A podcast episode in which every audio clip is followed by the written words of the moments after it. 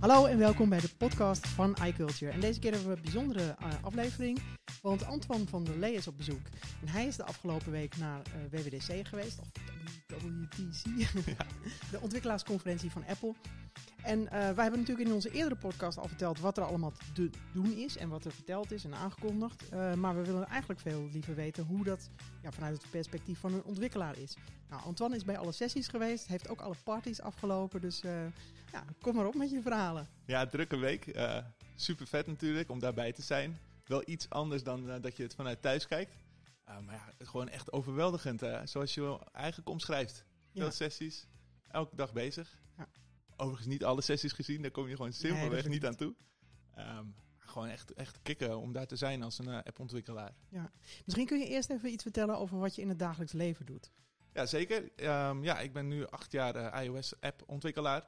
Um, eerst ben ik bij uh, een agency heb ik gewerkt, heb ik buienraden gemaakt in Videoland. En tegenwoordig zit ik bij WeTransfer als de lead iOS developer. waar ik aan de Collect bij WeTransfer-app werk. Daarnaast veel uh, aanwezig in de community.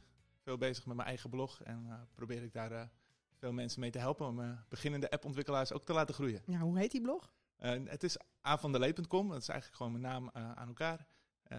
ook wel bekend als Swiftly in de community. Misschien dat mensen die luisteren weten welke blog ik hiermee bedoel. Ja, leuk. Nou, dan gaan we even kijken. Um, wat vond jij tijdens de aankondiging eigenlijk het grootste voor, voor ontwikkelaars? Voor ontwikkelaars waren er best wel een aantal dingen die echt heel groot waren. Um, het, het, leukste is eigenlijk als je kijkt, terugkijkt naar de keynote of het zelf hebt gekeken, is um, als je in de uh, zaal zit, zitten voorin allemaal marketingmensen. Mm En daaromheen zitten eigenlijk alle ontwikkelaars. En er waren dus een aantal aankondigingen die voor de ontwikkelaars super vet waren, waarbij de marketingmensen echt stil waren en zo zaten te kijken van. En een voorbeeld daarvan, en dat is denk ik ook meteen de grootste aankondiging voor ons ontwikkelaars, is Swift UI. Ja. En dat lieten ze eigenlijk zien, waarbij je een, uh, een, een tekstlabel op de app bouwt mm en een kleur aanpaste. Ja. En al die marketingmensen zaten te kijken van ja, is toch logisch dat die kleur aanpast. Terwijl wij echt dachten van, wow, we hoeven niet de app eerst te bouwen en dan zien we pas het kleurtje op het scherm verschijnen. Het betekent eigenlijk gewoon dat we veel sneller apps kunnen ontwikkelen doordat we meteen resultaat kunnen zien van de code. Waarbij de code ook nog eens veel simpeler is. Ja. Nou is dus- dat mij, mij ook wel opgevallen hoor. Toen Swift UI uh, eh, te sprake kwam, toen mm hoorde je echt geroezemoes in de zaal van, oh, dit is echt gaaf. En ik als, nou ja, gewoon gebruiker dacht van, ja, het zal wel handig zijn. En ik, ik, had wel een beetje een idee van wat het dan is. Dat je dan inderdaad niet code hoeft te maken, maar dat je ja, kunt zeggen wat je wil, ja, hoe je uh, gebruikersinterface eruit moet zien. En dat ja, Apple de rest er zelf regelt.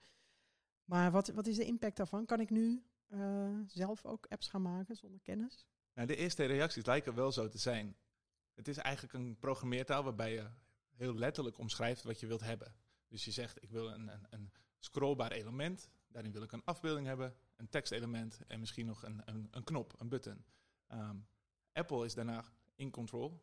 Zij kunnen bepalen van hoe tekenen we dat, hoe optimaliseren we dat, waardoor eigenlijk de apps ook nog eens sneller gaan zijn. Dus dat is nog een mooie winst voor de gebruikers. Maar als, zeker als je niet te veel kennis hebt, dan zou je veel sneller, veel makkelijker apps kunnen bouwen. Omdat er veel minder uh, ja, technische kennis nodig is eigenlijk van het platform.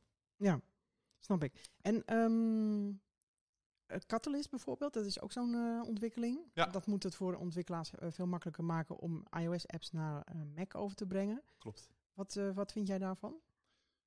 Het is super tof. Um, dat is eigenlijk ook wel een beetje het onderwerp geweest van deze WWDC. Het multiplatform supporten. Catalyst is daar ook onderdeel van, waarbij je nu dus vrij makkelijk je iPad-app kan porten naar macOS. En er is eigenlijk een bruggetje te staan met Swift UI. Want Swift UI is de oplossing waarmee je eigenlijk op één manier al jouw apps bouwt en de structuur bepaalt. Waar je voorheen kennis moest hebben van macOS, kennis moest hebben van iPadOS, um, kennis van de Watch. De Watch is tegenwoordig dus ook met Swift UI heel simpel te bouwen.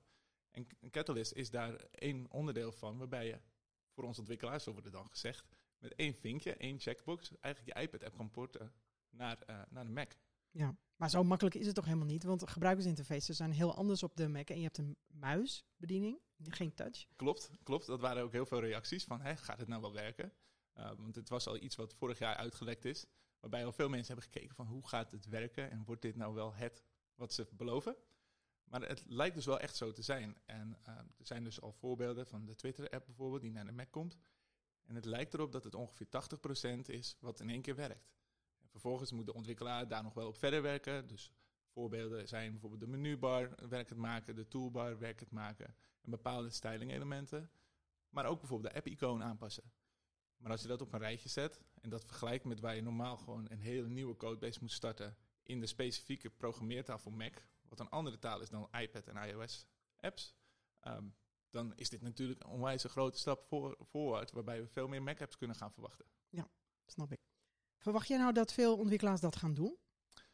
Nou, als ik kijk naar onszelf, bijvoorbeeld bij WeTransfer, gaan we ook wel echt serieus overwegen om Catalyst uiteindelijk te gebruiken mochten we een iPad-app gaan ontwikkelen in een van onze producten. Ehm, dus ja, ik denk wel echt dat dit de stap vooruit is voor vele bedrijven en misschien net de druppel kan zijn om wel een Mac-app te gaan bouwen. Ja. Is, is Mac eigenlijk een interessant platform voor bedrijven of valt het eigenlijk wel mee? Het is een interessant platform, maar wel een stuk minder interessant dan de iPhone en de iPad, wat je toch wel heel vaak ziet. Uh, waar dat door komt, dat is de grote vraag. Ik hoop dat het zelf, ik hoop dat het verandert natuurlijk. Uh, Maar ja, je hebt websites die vaak heel goed werken op de desktop. Misschien dat dat een reden is dat er wat minder iPad-apps zijn of Mac-apps zijn. Ja, bij uh, de Apple Watch was op een gegeven moment ook een beetje het probleem dat heel veel uh, apps of appmakers afhaakten. Ja. Omdat nou, niet-native apps werden niet meer ondersteund. En um, straks komt er een eigen App Store en wordt het veel makkelijker ook om apps daarvoor ja, te installeren. Zonder dat je steeds afhankelijk bent Ja. van de iPhone. gaan jullie daar iets mee doen? Wij zelf eh, gaan daar niks mee doen. Wij hebben er niet echt een use case voor. Maar het is natuurlijk wel onwijs vet wat ze nu aan het doen zijn. Ja, m- je kan tegenwoordig, eh, tegenwoordig kan je eh, geluid opnemen. Je hebt zelfs een rekenmachine nu op de Apple Watch. En met een losse App Store heb je misschien zelfs geen iPhone meer nodig. Dat is eigenlijk te gek om over na te denken. Maar als je kijkt naar de, Watch, die is ontzettend gegroeid over de jaren heen. Het is een veel interessanter product geworden. En zeker met Switch UI daarbij is het voor ons ontwikkelaars ook veel makkelijker om een Apple Watch app te maken. Mhm. Wat voor uh, uitdagingen sta je, sta je eigenlijk voor als je een Watch-app wil maken? Is het het kleine scherm of is het de beperkte ja, rekenkracht? Uh, de rekenkracht is onwijs gegroeid. Uh, zeker, je moet, je moet geen complete app gaan bouwen op de Apple Watch die van alles doet. Je moet het vrij simpel houden. Dat in combinatie met het kleinere scherm is wel de grootste uitdaging. Waarbij we voorheen ook heel veel uitdagingen hadden in de beperkingen. En die worden nu steeds minder. Dus je kan nu wel veel betere apps gaan verwachten voor de Apple Watch. Ja. Nou, voordat we verder gaan met uh, de, de, volgende ja, grote aankondiging die is geweest, ben ik eigenlijk wel benieuwd uh, hoe jouw dag er nou zo'n beetje uitzag uh, tijdens de WWDC. Um, vroeg opstaan en meteen alle sessies af, of was je vooral aan het socializen en netwerken met mensen? Eigenlijk allebei, waarbij de dag van de keynote een uitzondering is. Ik denk dat de eerste mensen al om twee uur s'nachts gewoon in de rij stonden om maar een plekje zo ver vooraan mogelijk te krijgen. Een reguliere dag begint eigenlijk uh, ontbijten bij WWDC. Dat is allemaal echt super geregeld, net als de lunch. Uh, je neemt de dag door met je medeontwikkelaars en je gaat kijken welke sessies je belangrijk vindt. Er is alleen eigenlijk één ongeschreven regel, dat als je bij WWDC bent, dan sla je sessies over zodra er iets is wat, wat belangrijker is. Mm-hmm. Een voorbeeld daarvan zijn de labs, uh, waarin je met de ontwikkelaars van Apple in een, in een probleem kunt duiken. Maar er zijn ook uh, UI-labs, user design labs als het ware, waarbij je specifieke vragen kan stellen over het design van jouw app. Ik heb bijvoorbeeld met een designer gezeten van, van de Health-app, die dus heel specifiek ging kijken van wat kunnen wij verbeteren in de, in de Collect-app van WeTransfer. Maar ook heb ik vragen gesteld over de App Store en een specifieke crash geprobeerd op te lossen met de ontwikkelaars van, van het Core Data platform, wat echt het database model is uh, in iOS-apps. Mm-hmm. Vervolgens is de dag voorbij. Je zit er aardig vol van alle snacks die de hele dag worden uitge uitgedeeld daar. Heel erg relaxed.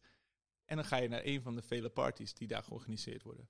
De grote bedrijven die daar in de buurt zitten, organiseren een feestje met vaak gratis cocktails, drankjes en zelfs eten.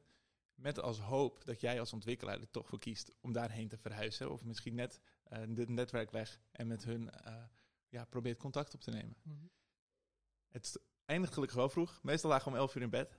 Maar dan wil je ook wel echt in bed liggen, want zo'n dag is echt super lang. Ja, maar is het ook stiekem een job-event? Dat uh, er heel veel bedrijven zijn die proberen om ontwikkelaars te vinden? Ja, absoluut. Uh, er is zelfs een bedrijfsfeestje geweest waar ik dacht heen te gaan. Maar het uiteindelijk bleek dat ik er alleen heen mocht als ik voor hun zou willen werken mogelijk. Oh. Zodat ze mij konden interviewen. Uh, dus ja, dat, het, het, wordt zeker geprobeerd. En dat is eigenlijk de hele week zo, waarbij het constant netwerken is met zowel bedrijven als met mensen uit de community. Want eigenlijk iedereen die een blog heeft, een podcast of iets op YouTube doet, is daar die week Mhm. om net, te netwerken met andere mensen uit de community. Is er momenteel in Nederland veel vraag naar iOS-ontwikkelaars? Kan je echt makkelijk eh, overal terecht? Er is ontzettend veel vraag. Dus eh, ik hoop ook echt dat Swift UI meer ontwikkelaars gaat opleveren. Want het is gewoon heel lastig om, eh, om aan de vraag te voldoen. Dat zorgt ook wel voor een, voor een markt waarin, waarin goed betaald wordt en dat er veel aanbod is. En dit zie je eigenlijk overal. Dus ook in het buitenland en ook in Amerika. Ehm, nou, laten we eh, verder gaan met een aantal eh, aankondigingen die zijn geweest. Een van de dingen die me opviel was eh, Sign in with Apple. Dat is dus dat je kunt inloggen met je Apple ID. Ja, super vet. Dat werd heel goed ontvangen ook. Natuurlijk is privacy echt een hot topic. Waarbij Apple zichzelf daar echt uh, voor opstelt. Zijn in bij Apple zorgt er eigenlijk voor dat je vrij simpel en vertrouwd kunt inloggen. Waarbij ik het persoonlijk vooral super vet vond dat je eigenlijk een synoniem e-mailadres kan aanmaken. Uh, wat ervoor zorgt dat ze nooit je eigen echte e-mailadres uh, zullen gebruiken voor het aanmelden van een account. Dat maakt het dus ook heel simpel om jezelf af te melden. Mm-hmm. Er zijn ook wel wat, wat restricties bijgekomen voor ontwikkelaars. Dus elke app die een third-party login aanbiedt, dus bijvoorbeeld inloggen met Facebook of met Google, is ook verplicht om sign-in bij Apple te integreren. En wel prominent aanwezig. Dus je mag niet de sign-in bij Apple button onderin het scherm doen dat je er eens naartoe moet scrollen. Dat zijn wel wat, wat restricties die erbij komen, wat het eigenlijk juist nog een betere implementatie maakt. Want de kans is dus groot dat je bij heel veel apps dit kunt gaan gebruiken. Ja, maar van de andere kant, heel veel appmakers uh, staan toch een beetje wat meer aan de kant van Facebook van zoveel mogelijk data verzamelen.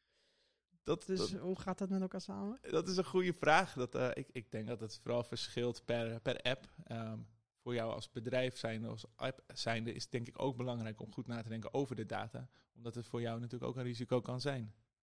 Ja, hoe meer data je hebt, hoe meer je ook kan kwijtraken als er een hack is of zo. Bijvoorbeeld. Mm -hmm. um, en dat kan vrij negatieve marketing zijn voor, mm -hmm. je, voor je product. Ja, nou, snap ik. Um, nou, laten we doorgaan naar het volgende punt. Um, de nieuwe AR-kit tools.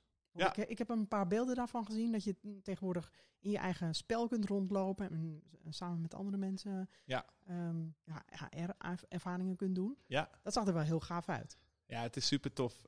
Apple die heeft het eigenlijk aangekondigd met het idee en de hoop dat het nu nog meer toegankelijker is voor appontwikkelaars om AR te gaan gebruiken. Er is een, uh, een ware app gekomen waarmee je in 3D uh, een hele kamer kunt vullen en een soort van voorbereiding kan doen voor je app. Maar ook hebben ze uh, ondersteuning ingebouwd voor mensen die door objecten heen lopen. Wat dan weer te maken heeft met machine learning, waar ook echt ontzettend veel verbeteringen in zijn gekomen. En het is vooral gebaseerd op, op meer realistische elementen in, mm-hmm. in 3D. Wat je misschien niet meteen opvalt. Dingen als uh, schaduw of licht en dergelijke worden nu nog beter weergegeven, mm-hmm. weergegeven, waardoor het er nog realistischer uitziet. Ja, en ik zag ook dat, bijvoorbeeld dat je met die mensen dan voor en achter een object langs kan lopen. En dan, dat was voorheen natuurlijk niet zo. Ja, de Minecraft uh, voor, voorbeeld was het ja. volgens mij. Uh, ja, dat, dat zag er super tof uit. En dat biedt natuurlijk nog veel meer mogelijkheden voor. Ja, bedenk het maar. Ja. Merk je bij ontwikkelaars veel enthousiasme voor uh, augmented reality? Of is het eigenlijk meer een soort gimmick dingetje? Dat laatste vooral, denk ik. Machine learning wel wat meer. Dat is toch wel iets toegankelijker. En er zijn waarschijnlijk toch wat meer apps te bedenken waarbij je niet per se een, een ruimte hoeft te identificeren of iets. Plus dat ja, machine learning uh, zit ook in een app terwijl het je misschien niet eens opvalt. Ja. Zoals bijvoorbeeld de Foto's app. Dat heb je ook gezien tijdens de keynote. Dat, mm-hmm. dat zag er ook heel tof uit. Waarbij je eigenlijk een soort van verhaal leest op het moment dat je door je foto's heen scrolt. Wat waarschijnlijk nog het meeste impact maakt met je eigen foto's. Dus dat gaan we pas zien als iOS 13 echt uit is. Maar kleine dingetjes zoals als je een memory maakt met je foto's, dan zie je ook vaak dat ze inzoomen op een foto. En het is niet geheel toeval dat het altijd is op een gezicht of op een ja. belangrijk mm-hmm. element. En dat gebeurt allemaal door middel van machine learning, wat dit jaar nog veel verder gaat. Ja, als we het daar toch over hebben, uh, CoreML en CreateML zijn aangekondigd. Ja. Dat zegt mij natuurlijk helemaal niks. Nee. Uh, ja, ik weet dat het iets met machine learning te maken heeft, maar Mhm. het, het is zo'n soort. Het zijn van die dingen die voor gebruikers eigenlijk onzichtbaar zijn. Het zijn slimme functies in apps. Ja. En opeens werken allerlei dingen, maar je hebt eigenlijk niet door wat erachter zit. Kun je iets meer vertellen over hoe dat dan ja, werkt? Ja, absoluut. Ja, het is natuurlijk een hele toffe ontwikkeling, wat het leven voor ons eh, makkelijker moet maken als je op iOS zit. Een leuk, eh, leuk feitje hier is dat wij door Apple ook uitgenodigd zijn tijdens WWDC om een gesprek aan te gaan met de Head of Engineering van CoreML. Dat is dus eigenlijk de grote baas die alles bepaalt in de ontwikkelingen van CoreML. En die heeft dus ook met uh, zijn kennis specifieke tips gegeven voor onze app. Mhm. En daarmee heeft hij ook uitgelegd wat dan dus nieuw is en wat het voor de gebruiker gaat betekenen. Het komt er eigenlijk op neer dat alle data van foto's, zoals dat er een hond op staat uh, of, een, of een kat, iets in die trant, beschikbaar is voor appontwikkelaars, waardoor het zoeken in apps veel makkelijker kan worden. Maar ook uh, het, het, text recognition wat erbij is gekomen. Mhm. En dit alles natuurlijk wel private. Het is niet data wat, uh, wat voor iedereen zomaar uit te lezen is of persoonlijke data gaat opleveren. Het is voornamelijk als doel om de app-ervaring eigenlijk te verbeteren. Ja, en hoe gaan jullie dat dan uh, toepassen, vooral in de zoekfunctie? Voor ons bij, bij de Collect app hebben we natuurlijk heel veel verschillende data waarbij het heel moeilijk is om, uh, om een overzicht te houden. Er is bijvoorbeeld een pagina waarbij eigenlijk al je items binnenkomen, waarin we uiteindelijk dus met CoreML gaan proberen uh, het aan te bieden dat je op een hond kan zoeken, op een kat kan zoeken, maar ook dat we misschien een slimme functie inbouwen waarbij je kunnen zeggen van hey, we zien dat je vijf foto's hebt uit San Francisco, wil je daar misschien een collectie van maken? Mhm. En dan kunnen we dan een boord van maken die dan weer te delen is met de vrienden van de gebruiker. Ja, ah, klinkt interessant. Hey, en um, je vertelde ook dat je um, uh, naar een talkshow bent geweest tijdens, uh, tijdens dit event. Ja. Be heb je nog bekende mensen gezien van Apple of uh, ja, bekende mensen uit de techwereld ja, die je hebt ontmoet? Dat was echt super vet. Craig Federighi zat daar bijvoorbeeld bij, maar ook Greg Joshua. dat zijn eigenlijk de twee, twee hoofden van Apple wat betreft hardware en software. Mm -hmm. En die werden daar geïnterviewd door eh, John Gruber. Eh, dat is eigenlijk ook een hele grote naam in de mhm. podcastwereld.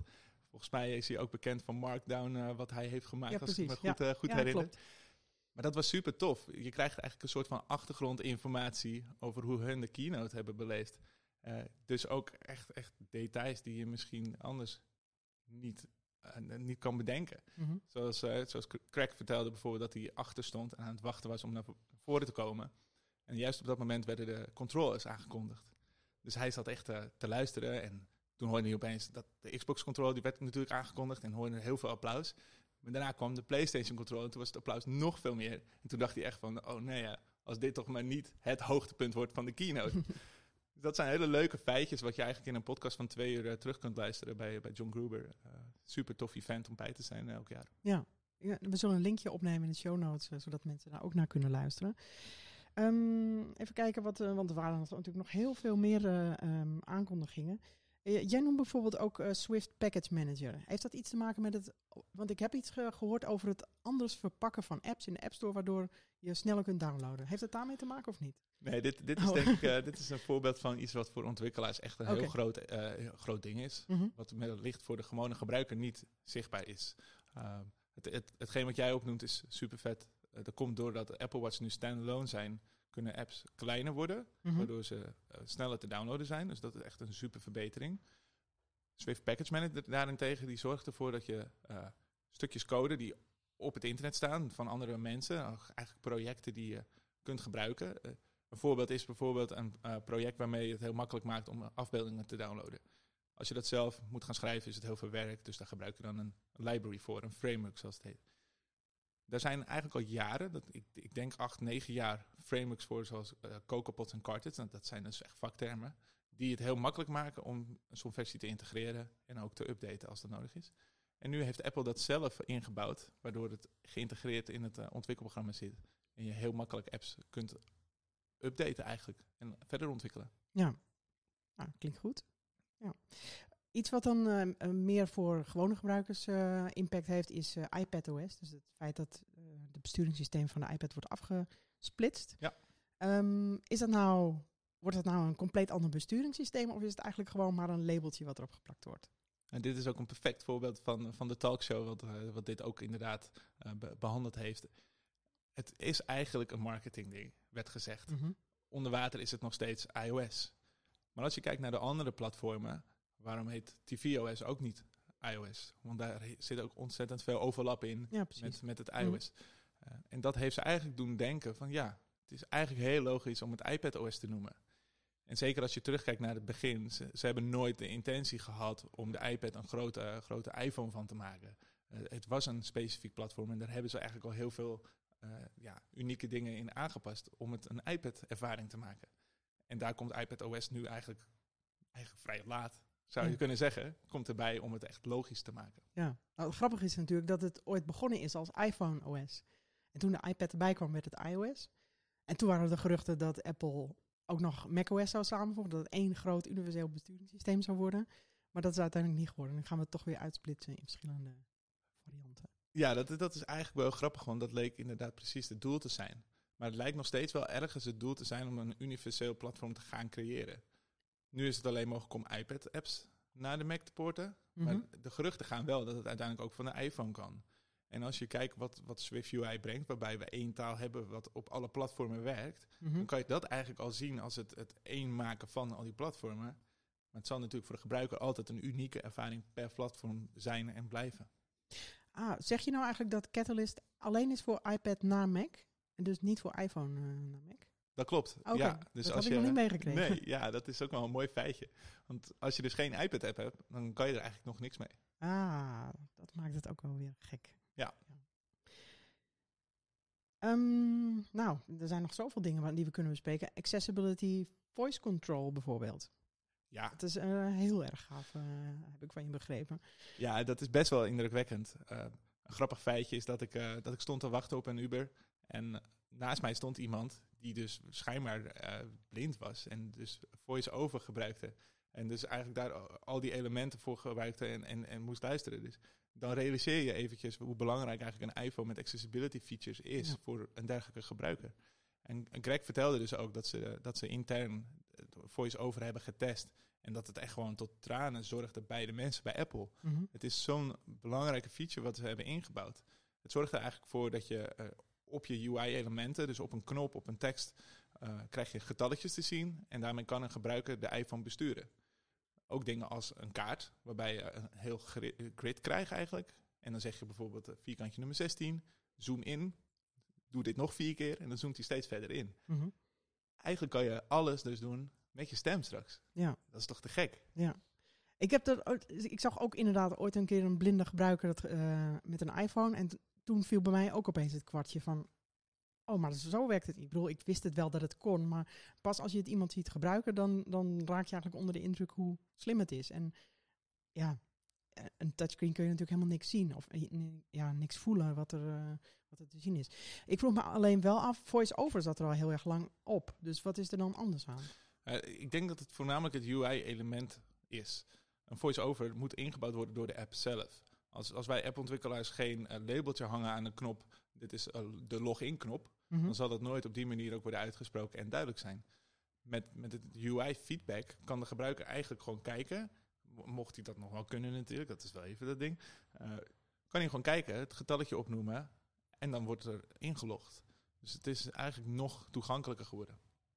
Ja, snap ik. Ehm, Siri Shortcuts komt er ook aan met parameters. Ja. Nou, dat is, eh, klinkt heel goed, maar ik heb nog niet echt een concreet idee wat het dan... Ja, Ja. wat ga ik ervan merken? Ja, ja er zijn natuurlijk eh, maar een aantal ontwikkelaars of mensen die er echt mee bezig zijn en echt de diepte in duiken. Want het is best wel iets geavanceerd. Ehm, ik denk dat het vanaf nu wel een stuk toegankelijker gaat worden met het automatiseren gedeelte wat ze er ook bij krijgen. Maar de parameter, parameters, ja, dat zorgt er eigenlijk voor dat je een soort van dialoog kunt maken met Siri. Dus je kunt echt vragen om bepaalde input en, en daar weer op verder reageren. Waarbij je voornamelijk, de, hiervoor moest je echt duidelijk in één keer zeggen van wat je wilde. Dus de, de mogelijkheden zijn eigenlijk een stuk groter geworden. Ja. Heb je een voorbeeld daarvan, hoe dat dan zou werken? Ehm, ik denk dat je als voorbeeld kan zien, eh, gaat het regenen vandaag? Waar gaat het regenen vandaag? Spanbroek. Het gaat vandaag regenen in Spanbroek. Het is vandaag slecht weer natuurlijk. Ja. Eh, maar ik denk dat dit een voorbeeld zou kunnen zijn. Waarbij eh, het automatiseergedeelte, wat ik net opnoemde, veel meer is dat je bij wijze van spreken, een, eh, nou dat vind ik een mooi voorbeeld, de NFC-stickers heb je tegenwoordig. Die werden daar ook uitgedeeld door, de, door het team van Shortcuts. Eh, dat, dat is eigenlijk hetzelfde als wat je bij een pinautomaat hebt. En zodra je iPhone daar tegenaan komt, kan je daarop reageren. En dan kan je daar dus weer een shortcut voor maken. Dus wat ik straks thuis ga doen, is ik leg een sticker op mijn slaapkamer. En als ik mijn iPhone erop leg, dan gaan de lampen uit en dan gaat mijn wekker aan. Ah, dat is handig, ja. Het is echt een mooi voorbeeld waarbij het een stuk toegankelijker eigenlijk gaat worden om, om toffe dingen te doen en te automatiseren. Ja, en dat, eh, werkt dat dan alleen bij uh, accessoires die met HomeKit werken of gewoon alles? Het ligt eraan wat je wilt automatiseren. Ja, um, je lampen of zo. Ja, nee, dan, dan zou het volgens mij alleen met HomeKit moeten kunnen. Um, je kan ook andere dingen automatiseren. Zoals bijvoorbeeld dat je zegt op Twitter, ik ga nu slapen. Ja, of elke ochtend goedemorgen zeggen. Op goedemorgen. Op Twitter. Ja, precies. Ah, ik zie daar wel, uh, ja, dat is eigenlijk voor iedereen uh, wel interessant, denk ik. Ja, zeker. Uh, als, je, als je wat tijd over hebt, is het zeker iets leuks om in te gaan duiken. Ja, dat, maar dat is een beetje het probleem met home, of ja, home automation. Ja. Van, er zijn zoveel mogelijkheden. We hebben een tijdje geleden bijvoorbeeld de Homey gereviewd. En daar kan je ook zoveel dingen mee doen. Maar als het erop aankomt, uh, dan heb je er eigenlijk geen tijd voor om er allemaal over na te denken en het te maken. Ja, en, en zeker ook niet iedereen zit erop te wachten. Mijn vriendin vindt het echt niet leuk dat alles wordt geautomatiseerd in huis. Maar goed. Hè? Snap ik. um, als je nou terugkijkt hè, op die week, wat, wat waren voor jou de punten die er echt uitspringen? Wat heb je geleerd bijvoorbeeld? Het was vooral overweldigend. Van tevoren was er vrij veel uitgelekt, dat zullen jullie ook gemerkt hebben. Waarbij je toch een soort van verwachting hebt van nou, hè, dat zullen wel de grote dingen zijn. Het zal wel meevallen. Maar eigenlijk, en dat hebben alle ontwikkelaars wel gehad, was het nog veel meer dan dat. Uh, ze gebruikten bij, bij WWDC ook een soort emoticon waarbij allemaal dingen uit hun hoofd ontploften. Het was zeg maar mindblowing. Ja. Uh, en heel veel ontwikkelaars zeiden ook, dat is precies wat de week omschrijft. Dat is ook meteen eigenlijk een soort van mijn hoogtepunt. Het feit dat het, dat zoveel is. Er zijn eigenlijk een paar kleine dingen, wat eigenlijk niet eens in de keynote voorkomen, wat, wat ons leven als ontwikkelaar beter gaat maken. Het gaat ons makkelijker, makkelijker worden om apps te bouwen. We kunnen sneller apps bouwen. Waarbij het voor de gebruiker uiteindelijk ook nog eens heel veel voordelen gaat opleveren. Omdat apps sneller te downloaden zijn en sneller opstarten. Het is eigenlijk te veel om op te noemen. Ja. ja en dat omschrijft gewoon de hele week. Het was gewoon super vet. Heel veel toffe aankondigingen. Ja. Nou, voor gebruikers waren er ook heel erg veel aankondigingen. En ik hoorde ook in uh, reacties na afloop dat het echt... Ja, mensen waren inderdaad mind was blown. Hoeveel dingen er waren aangekondigd. En er valt de komende weken nog zoveel te ontdekken.